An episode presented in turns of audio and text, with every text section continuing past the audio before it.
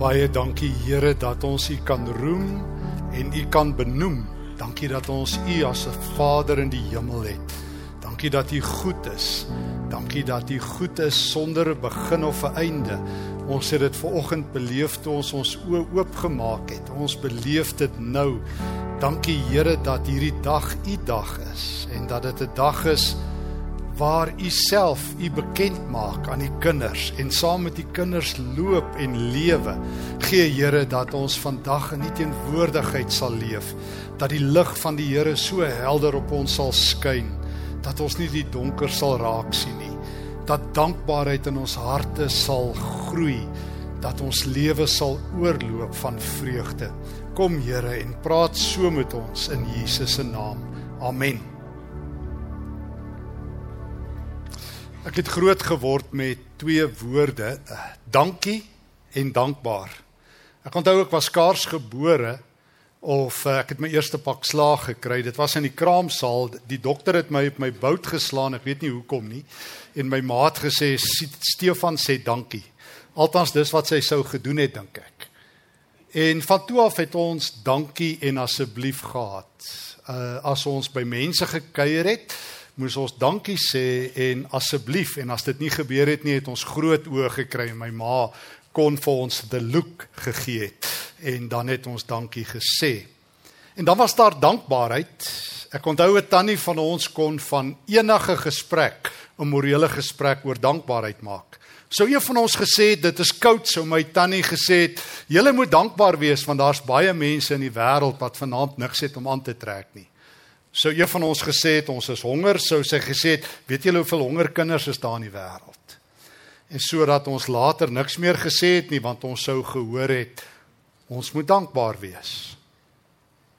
Soos wat ek opgegroei het, het ek agtergekom dankbaarheid val in die dreigement kategorie. In die moet doen kategorie. Ek het nooit eintlik gehoor mense is dankbaar nie, maar ek het altyd gehoor ons moet dankbaar wees. Ons moet dankbaar wees vir dit en dankbaar wees vir dat en ons moet ons seëninge tel.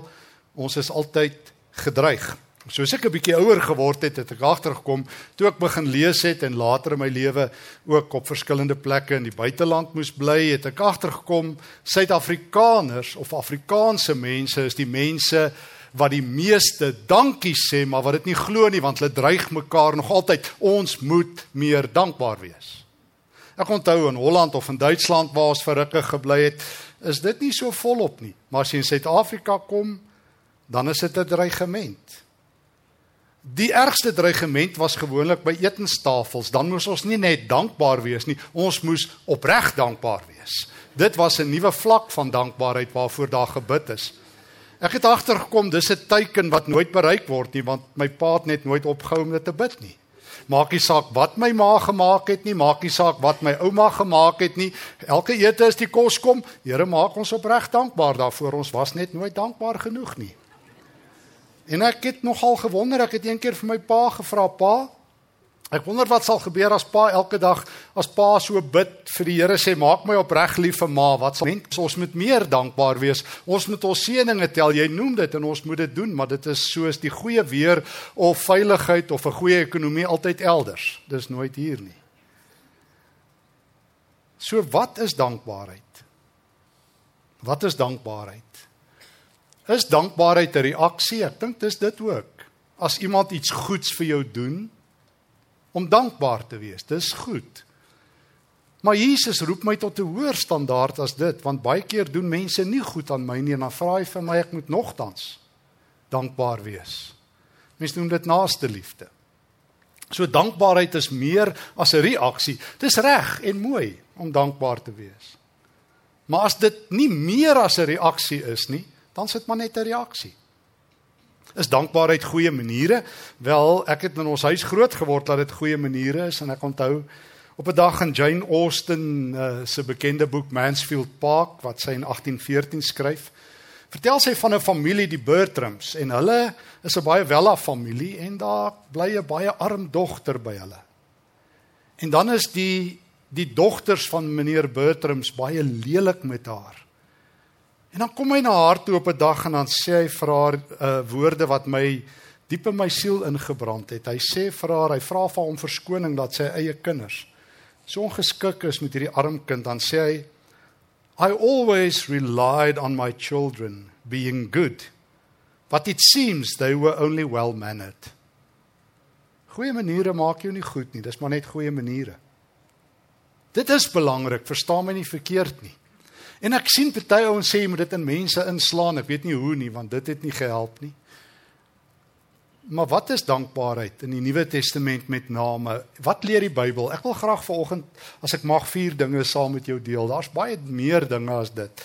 Maar ek wil graag vier woorde uithaal oor dankbaarheid en dan so 'n bietjie daarop verder uitbrei. Dankbaarheid is 'n leefwyse. Tweedens, dankbaarheid is God se wil. Derdens, dankbaarheid is gebed. En vierdens, dankbaarheid is naaste liefde. Kom ons begin by die eerste een. Dankbaarheid is 'n leefwyse. En Paulus met name sê ons is dankbaar want ons is lewende lofliedere. Dis een van die aangrypendste woorde. Ek eh, lees uit die Nuwe Nuwe Testament vertaling en Paulus se woorde in Efesiërs 1 vers 12, hy's besig om 'n loflied te skryf. Hy's besig om vir die gemeente te vertel wat het God in hulle lewe gedoen.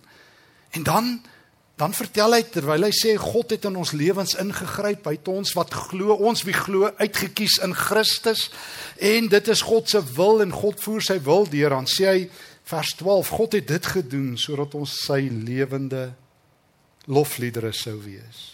Sjoe. Ek moet sê ek het dit min gehoor toe ek 'n chokkertjie was. Ek was die kerk waar ek was was maar ook deel van die dreigement. Ons moet altyd iets vir die Here doen, maar daar's niemand wat dit ooit reg kry nie.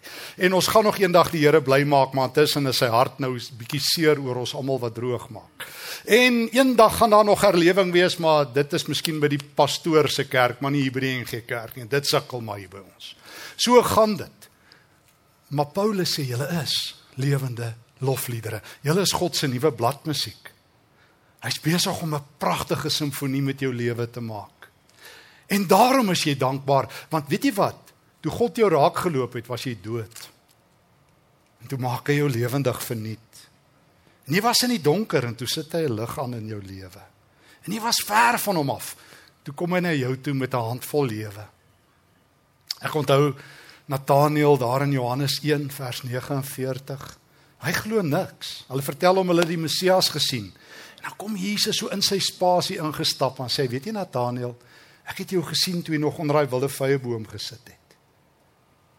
En dan bars Nathanael uit in hierdie woorde: "Rabbi, u is die seun van God. U is die hoop vir die wêreld." Nou kom onthou op 'n dag as Jesus opdaag daar in Johannes 4 by 'n Samaritaanse dorpie Sigar en met die sondigste vrou van die dorp begin praat en haar nie afskryf nie, maar opskryf in God se mooi boek. Dan hoor die dorpsmense. En dan kom kyk hulle. En die volgende oomblik word dankbaarheid 'n leefwyse. As ek daar in Johannes 4 vers 32 leef, as lees, dan sê hulle: "Rabbi, u is waarlik die verlosser vir die hele wêreld." En Thomas, as hy opgegee het op Jesus daai Sondag aand toe hy nie daar was na die opstanding nie. En daar in Johannes 20 vers 28 Jesus hom weer raakloop en sê: "Thomas, kom na my toe." Maar val hy neer en hy sê: "My Here en my God." Dis dankbaarheid. Dankbaarheid is 'n manier van lewe. Dis nie goeie maniere vir 'n Christen nie. Dis nie 'n respons nie. Dis 'n lewe wat ek sê van nou af leef ek in God se teenwoordigheid en ek leef 'n lewe van dankbaarheid. Dit is Nie net 'n dreigement nie. Dis nie net 'n reaksie nie, dis hoe jy lewe. Toe iemand uh, rukkie gelede, 'n paar weke gelede vir my sê, ons moet opstaan vir die Here, toe sê ek ek het dit vanoggend gedoen. Sê nee, hy bedoel dit. Ek sê nee, ek weet wat jy bedoel. Ek het albei gedoen. Ek het opgestaan vir die Here en ek het opgestaan vir hom. Sê ek is nie 'n lewende dreigement nie. Ek kan nie meer deel wees van die dreigbrigades van ons moet. Dis tyd laat ons opstaan en wat nie. Dis mooi. Ek weet mense kan dit ook sê ek skryf dit nie af nie. Maar ek is so baie keer daarmee gedreig dat dit altyd elders was, nooit in my omgewing nie. Terwyl die Here sê, jy moet 'n lewe van dankbaarheid lewe. Toe ek vir die persoon sê ek doen dit, sê jy's gelukkig, sê ek nee meneer, die fout lê aan jou kant. Jy leef die abnormale Christelike lewe. Jy loop dik klip lang gesig klaand rond. Jy weet van alles wat verkeerd is. Maar weet jy wat? Hier, hier op my stukkie terrein wen dankbaarheid want ek is 'n lewende loflied. God sê so, nie ek nie. Hy sê dit van jou ook. Hy skryf mooi bladmusiek met jou lewe. Hy's besig om om vir jou wat dood was lewende musiek te maak. So dankbaarheid is 'n leefwyse. En daarom is dankbaarheid op die voorgrond in jou lewe.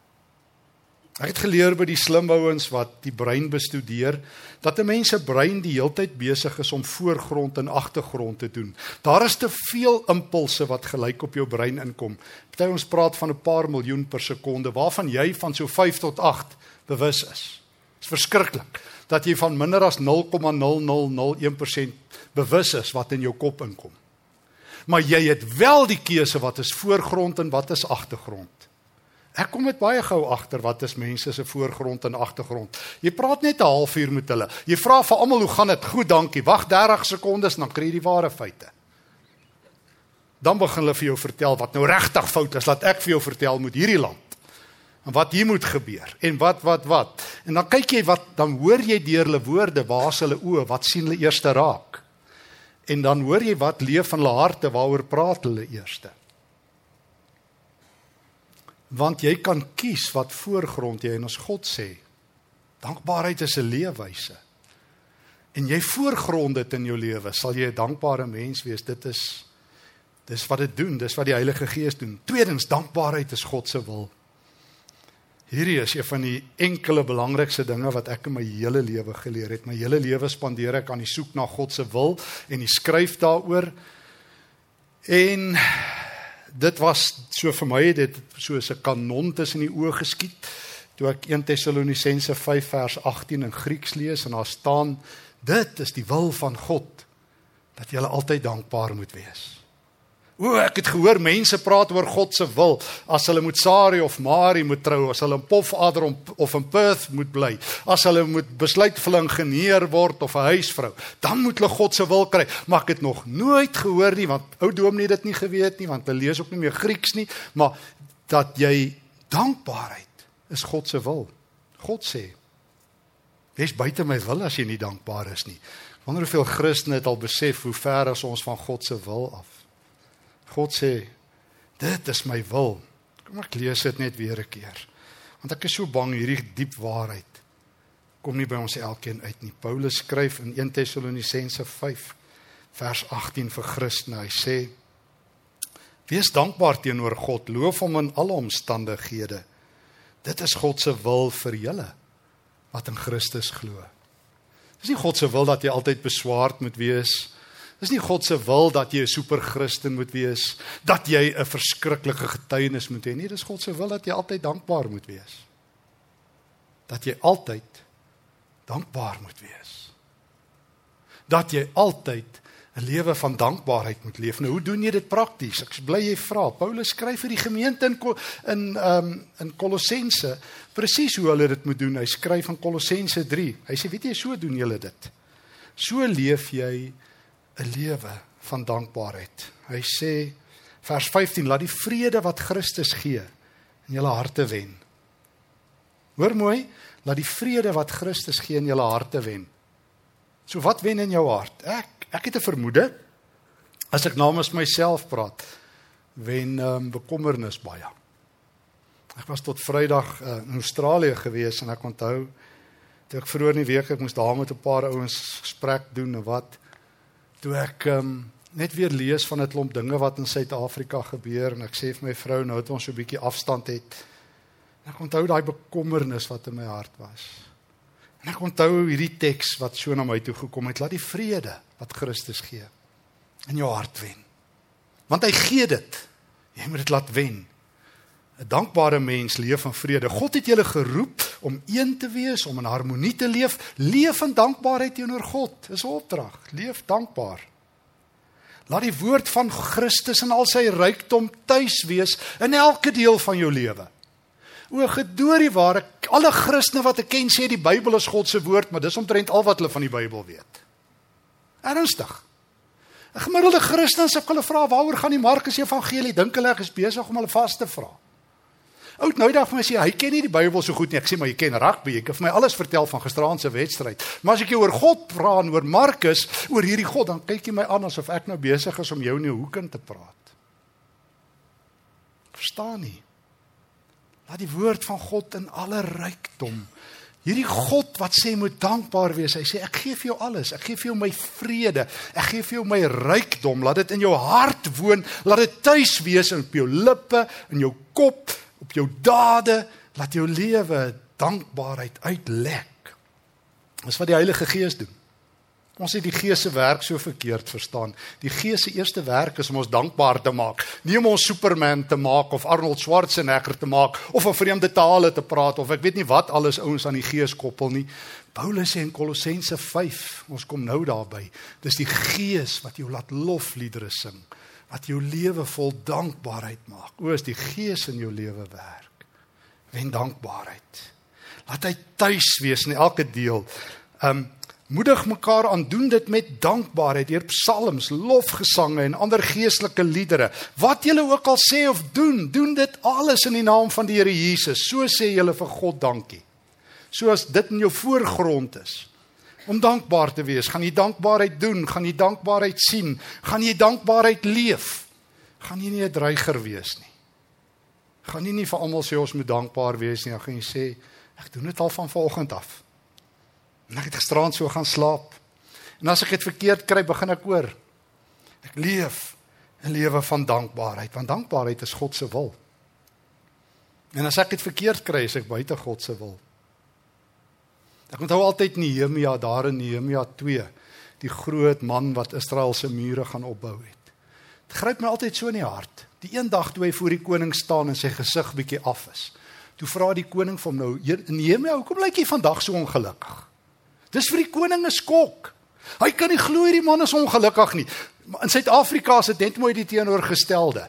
Ek beloof julle ek het onlangs vir iemand gehoor wat sy vrou na sielkundige toe gevat het want sy is te gelukkig. Hy sê dit kan nie wees nie in Suid-Afrika. Hy sê as fout moet daar. I kid you not. Sê ek sê ek vir mense noem dit die evangelie. Sê dalk moet ons jou vat vir 'n goeie Bybelgesprek. Wat ek vir hom sê. Ons mors jy nou al daai geld op terapie. Kom ons gaan jou kry jou by die woord. So kom C.S. Lewis so 'n pragtige boek skryf Surprised by Joy. En dis nie 'n emosie nie, hoor mooi. Ons moet dit nie verwar met hierdie fluktuasies van emosies. Nou ek bly nie. Dis 'n leefwyse van openheid, van dankbaarheid, van vrede. Dis die normale Christelike lewe, maar omdat ons dit van emosies afhanklik gemaak het en van ervarings sukkel ons daarmee, maar dis God se wil dat jy 'n lewensingesteldheid het van vrede met God en vrede met ander mense. Derdens, so ons sê eerste vir mekaar dankbaarheid se leefwyse. Tweede, dis God se wil. Derdens, dankbaarheid is die hartklop van gebed in die Nuwe Testament.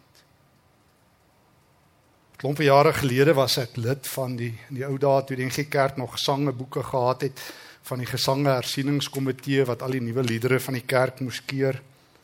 En op 'n dag tref dit my soos 'n weerligstraal. En ek weet vandag nog nie, ek het 'n antwoord al om 'n goeie antwoord hê nie. Maar dit tref my op 'n dag, daar's nie een klaaglied in die hele Nuwe Testament nie. Die Nuwe Testament kla nooit. Nooit, nooit, nooit. Maar ons almal sê die Psalms is ons gunsteling boeke. Meer as die helfte van Psalms is klaagliedere. Klaagpsalms. Die boek Klaagliedere is klaagliedere. Verseker is dit deel van God se woord, maar ons is Nuwe Testamentiese Christene. Die Nuwe Testament het ophou kla. O, jy mag smeek Paulus sê in Filippense 4 maak julle behoeftes met smeking aan God bekend. Maar klaar, nee nee, dit het verval. Vir 'n oomblik klaar Jesus aan die kruis, roep hy Psalm 22 uit, my God, my God, waar is U? Maar Jesus sien die wendpaal en dan sterf hy in vrede. Nou is klagte verby. Hulle slaan Paulus in sy eie bloed in in Handelinge 16 vers 23 in die tronk. En wat doen hy? Hy sing 'n loflied. Hulle maak die Christene dood op strepe in die vroeë kerk en wat doen hulle? Hulle sing lofliedere. Hulle loof God. Hoe kry hulle dit reg? Hulle het God verstaan. Hulle het God geken. Hulle het geweet dankbaarheid is nie 'n reaksie nie. Dis nie goeie maniere nie, dis hoe jy lewe. En hulle het God se wil geken dat jy dankbaar moet wees. En En toe hulle hulle die Efesiërs 5 vers 20 verskriklik ernstig gevat wat die meeste ouens se Bybel nie eens onderstreep is nie. Ek hoop as jy jou Bybel onderstreep Filippense 5 vers 20 as ek dit aanhaal sê o, ek ken dit. Paulus sê sê vir God altyd dankie vir alles. Doen dit in die naam van ons Here Jesus Christus. So as jy bid, sê dankie. Sê dankie. Sê dankie. As jy bid vir nie gelowiges, begin om dankie te sê. As jy by die verkeerslig eh, stop en daar nog 'n taxi voor jou ingejaag, sit bietjie daai radio af en al die twak wat jy daar hoor. En sê vir die Here dankie. Want dalk is jy die enigste ou wat ooit dankie sê vir hierdie persoon hier langs jou. As jy in 'n ry staan, plekstien weer sê waar gaan Suid-Afrika heen? Sê Here, ek wil vir U dankie sê vir die persoon hier voor my. Ek stalk die enigste persoon wat vir hulle bid. Dankie dat jy hierdie mens gemaak het. Raak hulle aan. En ewe skielik skuif jou hele lewe. Ewe skielik skuif jou hele lewe want jy kry 'n nuwe voorgrond. 'n Nuwe agtergrond. En ewe skielik word dankbaarheid 'n deel van jou lewe. Dis hoe jy bid. Dis jou normale Christelike lewe. Ja. Ek het so voor verlede week in die beeld in die rubriek wat ek elke dag daar in die koerant het, want ek dink dit is belangrik dat ons dit vir mekaar moet sê. Dit ook geskrywe oor ehm um, oor gebede wat ons by tafels bid. Kom dankbaar etenstafel toe, soos wat Jesus gekom het. Markus 6 en Markus 8 vertel ons van Jesus se twee broodvermeerderings waar hy vir die groot skare kos gee. En ek het dit geskryf omdat my pa dit nooit geleer het nie, niemand my dit geleer het nie en ek agtergekom het, kan jy in iemand se gebede wat hulle by tafels bid, dan sê hulle nee, hulle bedoel dit goed, dan sê ek maar doen dit soos Jesus. Kom dankbaar. Voordat Jesus die kos uitdeel, bid hy eers. In Markus 6 vers 41 loof hy vir God. Die Griekse woord eulogein word daar gebruik wat lof is. By die tweede broodvermeerdering in Markus 8 vers 6 dank hy vir God. Eucharistein word gebruik. Dis die Griekse woord vir dankbaarheid. En ek het gisteraand weer gaan kyk in my Griekse konkordansie. Daar's nie een woord nie, maar dis 'n ander gesprek. Daar's nie een teks in die Nuwe Testament wat sê ons moet vir mekaar dankie sê nie. So my ma was verkeerd, maar dis 'n ander storie. Sien ek sê jy moet dankie asseblief sê. Teken nie ons is ondankbaar nie, maar die Nuwe Testament het geen opdrag nie. Dis al wat ons doen. Ons moet dankbaar wees. Maar die Nuwe Testament wemel van opdragte. Jy moet altyd vir God dankie sê. Jou lewe moet 'n loflied wees. Maar meeste ons bid net soos hulle sê, nood, nê, nee, as daar nood is. Nou nood het ek nog nie gehoor ouens sê nou dankie dat my kar gebreek het en dat ek gehijack is en dat die wêreld uitmekaar val. Alhoewel die Nuwe Testament doen dit. Dis ook 'n ander gesprek. Jakobus 1 sê jy moet baie bly wees as jy moeilikheid het. En 1 Petrus 1 sê dit ook, maar dit het ook uit baie ons se Bybels geval, maar dis 'n ander gesprek. Want dis hoe God jou karakter vorm. Romeine 5.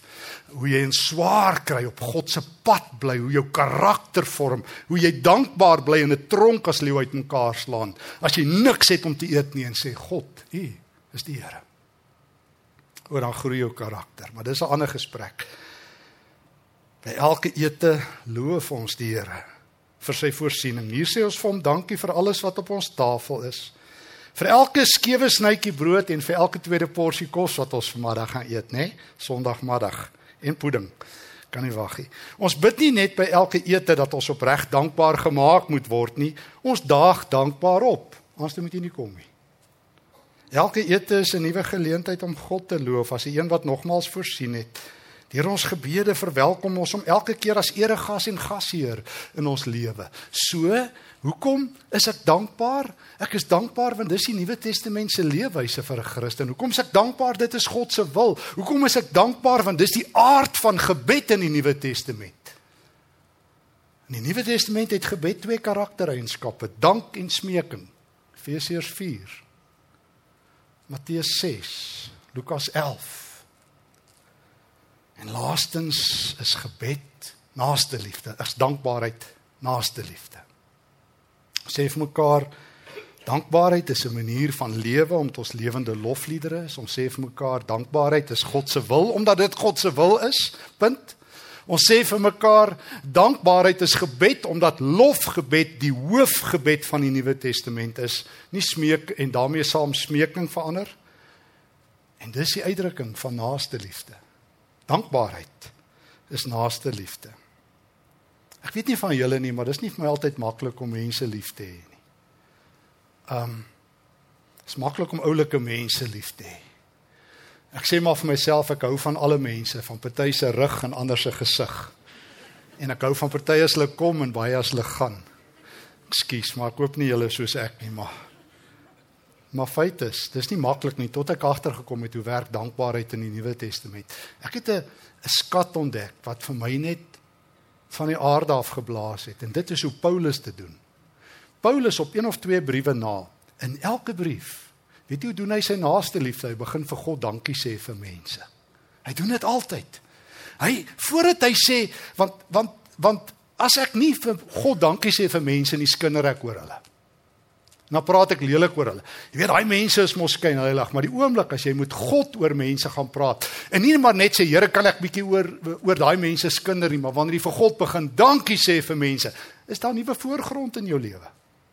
Hoor hoe doen hy dit? Kan ek vir jou saam met jou lees? Kom ons vat sommer want hy doen dit in al sy briewe. Omtrent in die Romeine brief en Galaas nee nee vir die Galasiërs hy's te kwaad vir hulle. Hy sê nie vir hulle dankie. Dis 'n ander gesprek. Maar hy doen dit met die Romeine, met 1 Tessalonisense. Hy sê vers 2 van hoofstuk 1. Ons sê altyd vir God dankie vir julle almal. Net soos jy altyd dankbaar moet wees sodat soos dankbaarheid altyd God se wil is. As Paulus bid, sê hy altyd dankie vir almal. Dink 'n bietjie daaroor. Hy begin om vir almal dankie te sê. Ons doen dit wanneer ons aan julle dink in ons gebede. So as ek aan mense dink, bid ek vir hulle en dan begin ek dankie sê. In die teenwoordigheid van ons God en Vader onthou ons die heeltyd julle goeie werke en julle harde arbeid en julle volharding. Hy doen dit weer in hoofstuk 2 vers 12. Dan vertel hy hoe hulle volhard. Hy sê dit is hoekom ons nie kan ophou om vir God dankie te sê en om hom te loof nie. Julle het die Bybel, die woord nie net ontvang as 'n gewone woord nie, maar vir wat dit regtig is, die woord wat van die lewende God afkom. Dankie Here. Hy doen dit in 2 Tessalonisense ook. Hy begin sommer hy sê liewe geloofsfamilie, ons moet altyd vir God dankie sê, vers 3 van hoofstuk 1. Dis die regte ding om te doen want julle geloof het gegroei en dit word nog sterker. Hy doen dit weer 'n keer in hoofstuk 2 vers 12. Hy sê vers 13, dit is ons plig en ons roeping om altyd vir God dankie te sê vir julle. Dink net wat sal gebeur as jou heel eerste gebed vir enigiemand, maar veral vir medegelowiges, dankie is. Toe iemand vir my sê onlangs ons moet ons seëninge tel, toe sê ek, het jy al die uitdrukking gehoor iets jou lucky day, wel as jou gelukkige dag begin. Want ek is nou mos nie die dreigement brigade nie, kom ons tel. Nee nee, ek sê nee nee nee nee, jy het gesê ons moet ons seëninge tel. Kom, waarvoor? Kom. Want ek het agtergekom geliefdes, die Nuwe Testament maak nie 'n grappie nie. Die Nuwe Testament sê gebed is heel eerste dank. En God se wil is heel eerste dank. En gebed vir ander mense is heel eerste dank. Toe ek my gebedslewe begin aanpas en ek sukkel daarmee, want ek het ook maar groot geraak met hierdie ou nonsens uitspraak van noodleer bid. Waar, hoekom Ek wil die Heilige Gees leer ons bid as ek die Nuwe Testament reg verstaan. Of soos daai ouens wat altyd sê mense moet leer uit jou foute en dan sê Christene dit asof hulle dink dit staan in die Bybel. Die Nuwe Testament sê die Gees sal jou leer. Ons het 'n beter leermeester as nood en ons foute. Ons het die Heilige Gees. En as die Gees jou tot nou toe nie geleer het nie, stop die bus, stop die lorry, klim af. Soos wat die mense sê ek het nie so groot geword moet waaragtig nie so oud word nie. Stop dit begin vandag 'n lewe van dankbaarheid. Dis die wil van God in Christus Jesus. Wees in alles dankbaar. In goed en in sleg. Bid vir alle mense met dankbaarheid. Begin deur dankie te sê en ek het geleer om 'n gebedslewe vir my in te oefen van 1 uit 10. Vir elke een ding wat ek van die Here vra, moet ek vir hom vir 9 dinge dankie sê. Dis moeilik want ek is so ingeoefen om nege moeilike dinge raak te sien in een maak ons opreg dankbaar vir die kos om daar te sit en sê dankie Here dat ons brood het. Dankie dat ek 'n stukkie kan deel. Dankie dat ek warm geslaap het. Dankie dat terwyl ek dit doen ek iets vir iemand kan doen. Want dis die laaste punt wat ek hiermee saam wil deel. Naaste liefde is nie net om vir God dankie te sê nie. Naaste liefde maak jou vrygewig. Naaste liefde vat jou van gebed na die lewe toe. Kyk een keer 'n fliek waar 'n pa en sy seun deur 'n baie arm deel van 'n stad stap. En die seentjie vra vir sy pa: "Pa, hoekom is hierdie mense so arm? Hoekom leef hulle so swaar?" En die pa antwoord: "Ons moet baie dankbaar wees vir wat ons het." En net daar stop die pa en hy en sy seun bid en hulle sê vir die Here dankie vir alles wat hulle het. Maar dis al. Dis mooi, maar dis al. Dit maak hulle nie meer vrygewig of meer mededeelsaam nie, maar o, as jy dankbaar is, het jy die hart van Jesus. Dan wil jy deel. Jy wil deel dit wat jy by God geleer het, wil jy met ander mense deel, maar dis vrygewigheid. Dit wat God vir jou gee, wil jy deel. Jy wil deel die talent wat die Here vir jou gegee het. Is dit musiek, is dit administrasie, is dit om te preek wat God gee sodat hy verheerlik word, wil jy deel. Jy wil jou rande en jou sente deel. Dis die evangelie. Dankbaarheid is vrygewigheid. Ek wonder hoekom hoekom het ek groot geword soos ek altyd sê dat ons altyd Nelson Mandela se oë op die 100 rand note gedruk het laat hy traan om dit nie weg te gee nie. Om nie weg te gee nie. O Jesus se hart lek liefde. Hy gee elkeen wat met Jesus te doen het. Ek lees daai arm ou weduweetjie in Markus 12 vers 41 wat Jesus sien by die tempel wat alles gee. Die Dinsdag voor hy gekruisig word of die Woensdag uh, die aand as Jesus in Betanië is, daai vrou wat al die reukolie oor Jesus uitgooi. En Jesus sê oral in die wêreld sal sulke vrygewigheid vertel word. Waar wil dit nie gebeur nie. Ek het groot geword dat dankbaarheid 'n dreigement is. Jy dreig almal daarmee.